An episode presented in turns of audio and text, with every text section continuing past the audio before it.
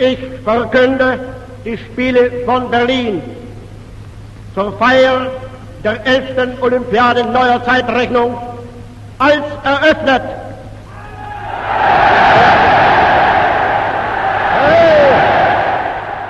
Es pasludinu Berlīnes Olimpiskās spēles pirmo jaunā laikmeta olimpiādi par atklātu.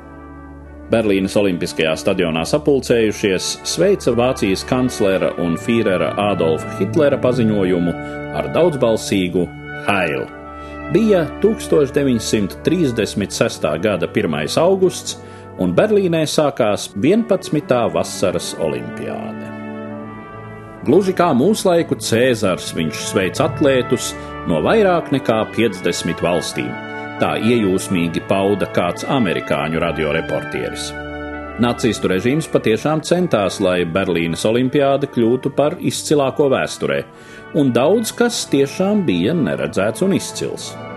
Līdzekļi nebija žēloti spēļu fiksēšanai kinolentē, kuru vadīja Führera protežē, režisore Lenija Riefenštāle, un viņas filma Olimpija kas tappa no uzņemtā kronikas materiāla, patiešām kļuva par notikumu dokumentālā kino vēsturē.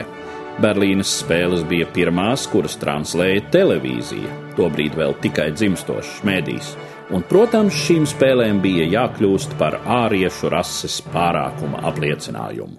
No Vācijas izlases jau pie laika bija atsijāti visi ebreju izcelsmes sportisti, taču, kas attiecās uz citu valstu izlasēm, tad to rases tīrību ietekmēt nebija pat visvarenā vācu tautas vadoņa spēkos. Olimpiādas trešajā dienā, 1936. gada 3. augustā, notika sacensības 100 metru sprintā vīriešiem, un šis starts sagādāja Hitleram divkāršu vilšanos. Ar nepārprotamu pārākumu pirmās divas vietas skrējienā izcīnīja melnādainie amerikāņi - zeltu Džesijs Ovens sudrabu Rolfs Metkāfs. Hitlers nespēja apslēpt sarūktinājumu, un kad augstliekšanā triumfēja vēl viens nēģeris Kornelijas Džonsons, Fīrers pameta Olimpisko stadionu, nesagaidījis apbalvošanas ceremoniju. Privātā sarunā ar arhitektu Albertu Špēru viņš esot izteicies, ka šiem melnajiem, kuri nu pat pametuši džungļus, protams, esot vairāk fiziska spēka.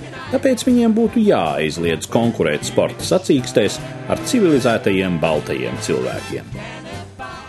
Tikmēr Džesijs Ovens kļuva par Berlīnes Olimpiādas sensāciju, izcīnīdams zelta medaļas vēl arī 200 metru sprintā, tālēkšanā un Savienoto valstu komandas sastāvā arī stafetes skrējienā. Sava daļa slāvas tika arī pārējiem melnādainajiem amerikāņu atlētiem, kuri, cik var spriest arī no publikācijām tā laika Latvijas laikrakstos, tur, Berlīnē, bija īsti preses un publikas mīluļi. Stāstījumu sagatavoja Eduards Liniņš.